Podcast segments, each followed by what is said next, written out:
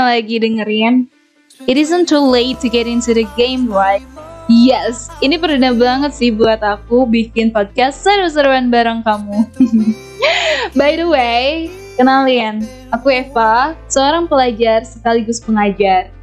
And you're listening to In Between 101, a podcast that inspires everybody to make a meaningful life, bikin hidup lebih berfaedah dan sesuai dengan namanya, kita akan bahas segala hal dari dua perspektif. So, stay tuned because I know you are in between.